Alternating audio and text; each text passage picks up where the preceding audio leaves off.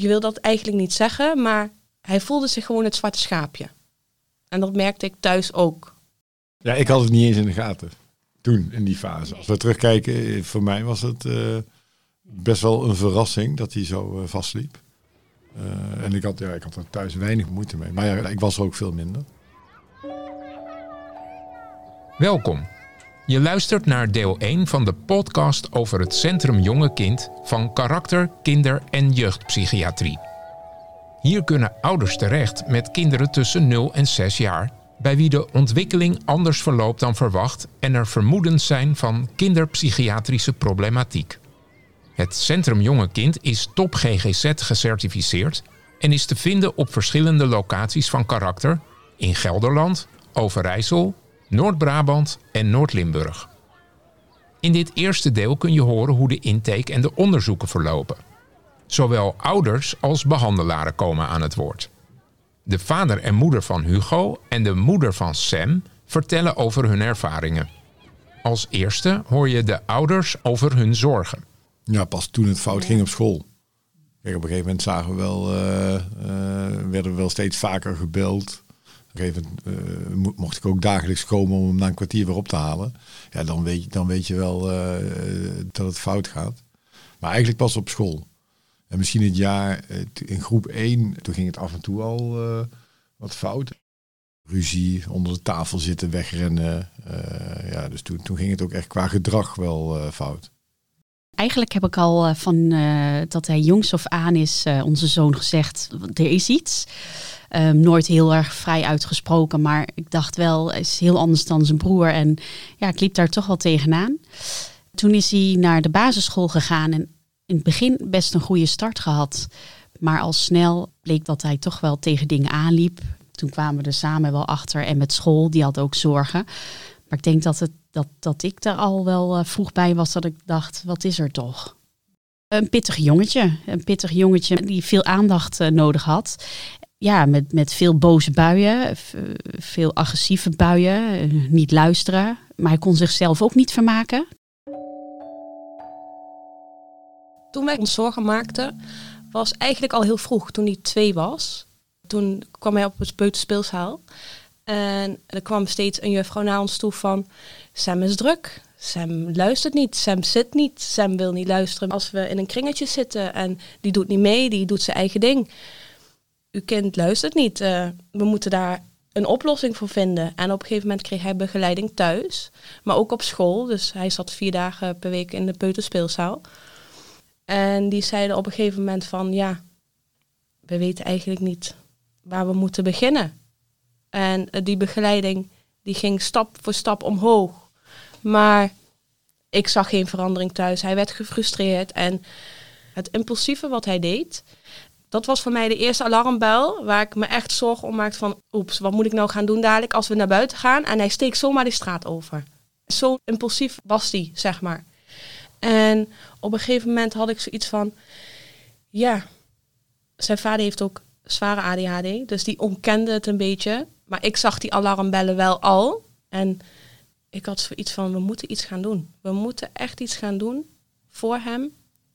Voor ons. Want wij moesten hem constant straffen. En het was voor hem gewoon niet leuk. Dat impulsieve gedrag. Uh, televisies gingen eraan. Omdat hij zo boos was vanuit frustratie. En dat wilden wij gewoon niet voor het gezin. En toen kwam ik bij de huisarts. En die zei van, uh, ik snap u helemaal we gaan nu een verwijzing doorsturen naar karakter. En uh, die neemt contact met je op. De behandelaren Lieke van Brakel, kinder- en jeugdpsychiater, en Sabine van Heertem, GZ-psycholoog en systeemtherapeut, vertellen over wat zij doen binnen het Centrum Jonge Kind en waarom. Ouders komen bij ons binnen met vragen over de ontwikkeling van hun kind, bijvoorbeeld ze kunnen dan zorgen hebben over het gedrag, uh, maar ook dat ze denken van hé, hey, die ontwikkeling loopt toch anders dan ik had verwacht of loopt anders dan de ontwikkeling van mijn andere kinderen. Soms ook omdat er dingen opvallen op school, dat school iets opmerkt en denkt van hé, hey, dat gaat toch niet helemaal lekker. School, kinderdagverblijf, uh, peuterspeelzaal of opmerkingen vanuit de omgeving. En dan gaan ouders naar de huisarts of via de gemeente kunnen ze een verwijzing naar ons eh, krijgen. Maar soms worden ze ook verwezen door een jeugdarts van bijvoorbeeld het consultatiebureau. Ja, en soms is het ook zo dat kinderen al eerder hulp hebben gehad of ouders al eerder hulp hebben gehad. En dat dat niet voldoende heeft geholpen, zeg maar. En dat is ook zo uh, fijn als ouders al zo jong de hulp gaan zoeken. Want het zijn natuurlijk allemaal jonge kinderen, vaak ook jonge ouders, die met hun kinderen aan het begin van een hele ontwikkeling staan. En als het daar moeizaam verloopt en niet vanzelf gaat, is het heel fijn dat ze al op zulke jonge leeftijd de hulp gaan zoeken, omdat dan de patronen nog niet zo diep ingesleten zijn en je nog meer mogelijkheden hebt om daar invloed op te hebben. En ouders daar ook invloed op kunnen hebben. En dus het is heel fijn dat ouders ook zo aan kunnen en durven kloppen bij karakter.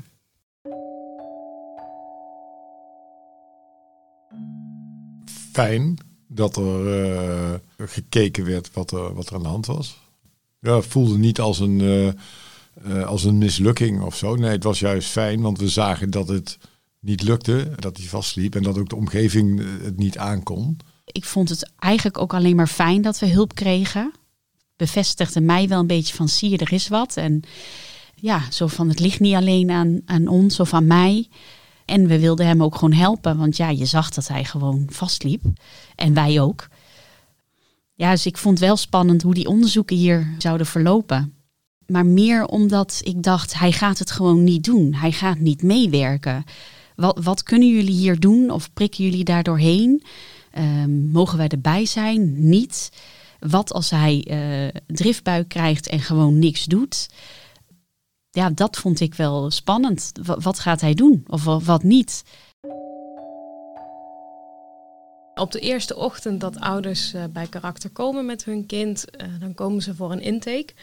Dat is een hele ochtend, een intakeochtend uh, noemen we dat. En een intakeochtend kan soms best spannend zijn voor zowel ouders, maar ook voor het kind. En we proberen altijd een zo laagdrempelig mogelijke sfeer te creëren. Ja, het was wel een heel fijne ochtend. Ze, ja, ze vertelde wel echt tegen mij van oké, doe maar rustig. Is niks aan de hand. En het komt goed. We gaan je helpen. Ik zat gewoon heel hoog. Bij de intake zijn er altijd twee mensen van karakter betrokken. Uh, dat is uh, vaak een kinderpsychiater of een klinisch psycholoog en uh, coördinerend behandelaar. En die coördinerend behandelaar, dat is degene die voor ouders aanspreekpunt is gedurende het hele traject bij karakter. En intakeochtend starten we met een verheldering van de hulpvraag van ouders. Dus wat ze van ons verwachten, wanneer ze tevreden eigenlijk de deur weer uitgaan en wat ze hopen te halen bij ons. Dan doen we altijd een observatie van het contact tussen ouder en kind. Dus dan gaan ouder en kind samen spelen. Om ook te zien hoe het kind is in het contact met een vertrouwd persoon. En daarnaast doen we een kinderpsychiatrisch onderzoek. Dus dan gaat de kinderjeugdpsychiater of de klinisch psycholoog met het kind spelen. Ouders kunnen dan meekijken. We kregen eerst ook met psychiaters uh, die Sam nakeken speelmomenten, één op één. En dat wij achter de scherm moesten kijken. En ik raak je altijd helemaal vol van. Want het was heel confronterend. Op een gegeven moment zit je achter het scherm en je ziet gewoon dat Sam niet weet hoe hij zich moet gedragen. En zich eigen gelukkig wel laat zien hoe die is. Maar voor jou als ouder zijn is het heel confronterend. Want je denkt van, doe ik iets fout? Heb ik mijn kind um, zo opgevoed, zeg maar. Dat hij zo boos is en niet stil kan zitten en niet kan luisteren naar die persoon. Maar gelukkig was diegene die ons heeft begeleid, zeg maar, tijdens die onderzoek, die zei, hier kun je gewoon niks aan doen, dat zit gewoon in de genen en we gaan jullie helpen. En de vader van Sam, die had zoiets van, die voelde het ook dat ik heel erg die stress opkwam bij mij. En um, ja, die hield zich natuurlijk stil, want die voelde zich schuldig. In zo'n kinderpsychiatrisch onderzoek kijken we eigenlijk naar de verschillende ontwikkelingslijnen. Dus om een eerste beeld te krijgen van de verschillende ontwikkelingslijnen. Dus letten we bijvoorbeeld op de spraaktaalontwikkeling, de motoriek, uh, hoe het kind het doet in het contact, maar ook wat kan die nou in spel. Dus om zo te kijken van hé, hey, waar zouden we nou meer over willen weten? Zowel wat het kind heel goed kan, dus kwaliteiten, maar ook wat wat moeilijker gaat. Over welke delen van die ontwikkeling zouden wij ook zorgen hebben en zouden we meer onderzoek willen doen. Vervolgens zal er ook nog een gesprek plaatsvinden waarin uh, de coördinerend behandelaar in gesprek gaat met de ouders over de ontwikkeling, eigenlijk van uh, zwangerschap tot het moment van de intake. Uh, hoe dat verlopen is, waar zorgen liggen, maar ook wat er heel erg goed gaat. Voordat we de intake hebben, krijgen ouders vragenlijsten die ze in moeten vullen. Het is voor ons heel fijn in de voorbereiding van de intake, omdat we dan al veel informatie hebben en al een beetje een idee kunnen vormen van wat gaat er goed en wat gaat er misschien inderdaad nog minder goed. Soms is het zo dat we na een intake eigenlijk al wel een heel duidelijk beeld hebben over wat er wellicht aan de hand is. En dat we dan op basis daarvan toch al wel een diagnose stellen en dus behandeling voorstellen. Maar vaker is het eigenlijk zo dat we nog wat verder in willen zoomen op een aantal uh, ontwikkelingsgebieden. En dan kunnen we vervolgdiagnostiek, zoals we dat noemen, inzetten. En dan kunnen we onderzoeken inzetten meer gericht op het kind. Hè, om wat meer het kind in kaart te krijgen. Bijvoorbeeld een intelligentieonderzoek of een spelobservatie. Of een ADOS, dat is een gestandaardiseerde spelobservatie. Waarin je wat meer gaat kijken naar hoe een kind in het contact reageert. En wat een kind kan in de communicatie en in de interactie. En al die verschillende onderzoeken nemen we dan mee bij het uiteindelijke adviesgesprek. Maar bij die onderzoeken kunnen we soms ook wat meer in gaan zoomen op het gezin omdat we eigenlijk het kind ook goed willen begrijpen eh, vanuit het gezin waarin het opgroeit. Want je kan een kind eigenlijk nooit leren kennen zonder ook het gezin te leren kennen omdat een kind zich natuurlijk ontwikkelt vanuit die voortdurende wederzijdse uh, beïnvloeding. Dus een kind ontwikkelt zich vanuit de interacties met de ouders binnen het gezin. En willen we het kind goed begrijpen, moeten we ook die interacties goed begrijpen.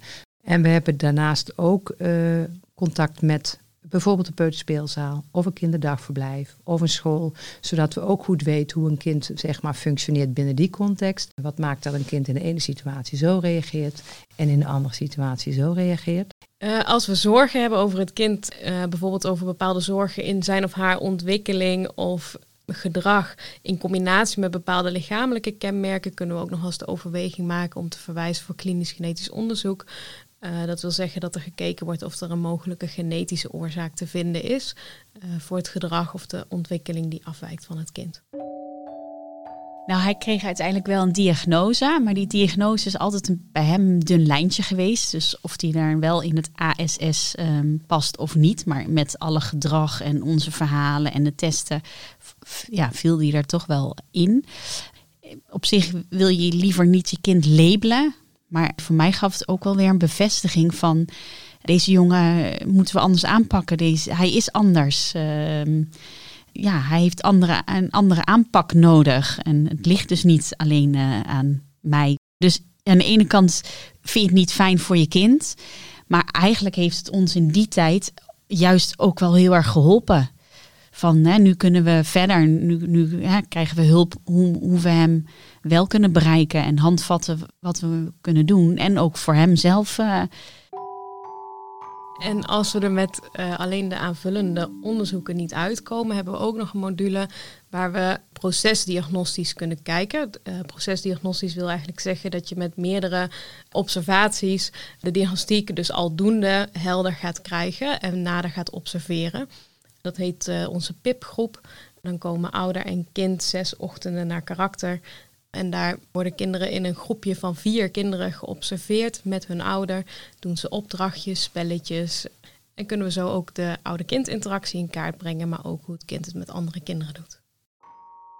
Ja, en ik weet wel dat toen we die diagnose kregen, uh, maar ook toen hij uiteindelijk de, van school af moest, dat er toen bij mij wel iets was oh shit, hier zit ik daar wel mijn hele leven aan vast. Dus dat was wel, hè. dus je had stiekem ja, niet hoop, want je weet wel van het, het is niet helemaal uh, oké of het is anders. Uh, maar dat, dat, dat kwam wel toen, van dat ik dacht van oh ja, daar moeten we ons hele leven uh, voor hem zorgen. Dat is wel even anders dan ik, ja, dat ik me had voorgesteld.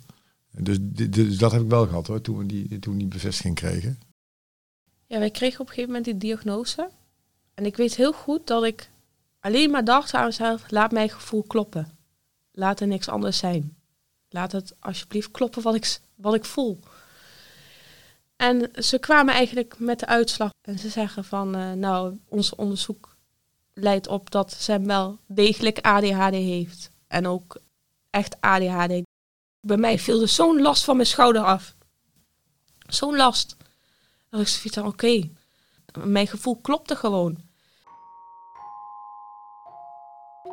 Ja, als alle onderzoeken zijn afgerond, dan uh, gaan de kinderpsychiater of de klinisch psycholoog samen met de coördinierend behandelaar die gegevens uh, samenvoegen. En nou ja, op basis daarvan een beeld vormen van hoe kan je nou begrijpen dat een kind doet zoals het doet. En die ontwikkeling van het kind goed begrijpen. En dan volgt een adviesgesprek waarin we dat met ouders bespreken. Dus we bespreken alle onderzoeksgegevens. En vervolgens ook wat we denken dat er aan de hand is. Dus of het inderdaad uh, uh, een autisme spectrumstoornis is. Of ADHD. Of een kind met angstproblemen. Of wellicht een trauma. Dus er kunnen verschillende diagnoses gesteld worden. En die geven dan ook richting voor de behandeling die we voorstellen. Het adviesgesprek vindt alleen plaats met de coördinierend behandelaar. En daarin is ook aandacht voor wat het voor ouders betekent om een dergelijke diagnose te horen. Want hun kinderen zijn natuurlijk jong. En ondanks dat het voor ouders ook vaak wel, en dat hoorde je ook wel in de gesprekken met de ouders die uh, net aan het woord zijn geweest, het een bevestiging kan zijn voor wat ze vaak al aanvoelen wat er aan de hand is, is het natuurlijk toch ook heel wat om een dergelijke diagnose van hun kind te krijgen. Dus daar is wel aandacht voor, ook vanuit uh, de coördinerende behandelaren, voor wat het voor ouders betekent. Meestal is het zo dat we van ouders terug horen dat ze een soort erkenning krijgen voor de moeilijkheden die ze al langere tijd ervaren hebben in de opvoeding van hun kind. Dat ouders ook merken, die opvoeding gaat niet vanzelf. Het kost heel veel energie. Ze begrijpen vaak niet wat een kind, wat maakt dat een kind doet zoals het doet. En als ze daar meer begrip voor krijgen, dat dat ook meer rust geeft. En dat ze denken, oké, nou weten we wat er wellicht aan de hand is en hoe we daar dan ook mee om kunnen gaan leren gaan. Want alle ouders komen hier inderdaad met zorgen, maar ook met de bedoeling het beste voor hun kind te willen doen. Wil je weten hoe ouders en hun kind verder werden geholpen? Luister dan ook naar deel 2 in deze podcastserie. Die gaat over de behandeling. Meer informatie over Centrum Jonge Kind vind je op karakter.com. We hebben weer nieuwe inzichten daarin gekregen. En ja, die hebben mij ook wel weer geholpen. Maar goed, uiteindelijk met een lange adem. Ik weet, het zou wel een jaar, misschien wel langer zijn geweest. Het ging wel steeds beter. Ja, uiteindelijk is het wel heel, heel prettig geweest ik kan hem nu wel even alleen laten. Ik kan wel even de was omhoog brengen. Ik kan wel even mijn eigen ding doen. Dus de sfeer thuis is wel echt opgekrikt daardoor.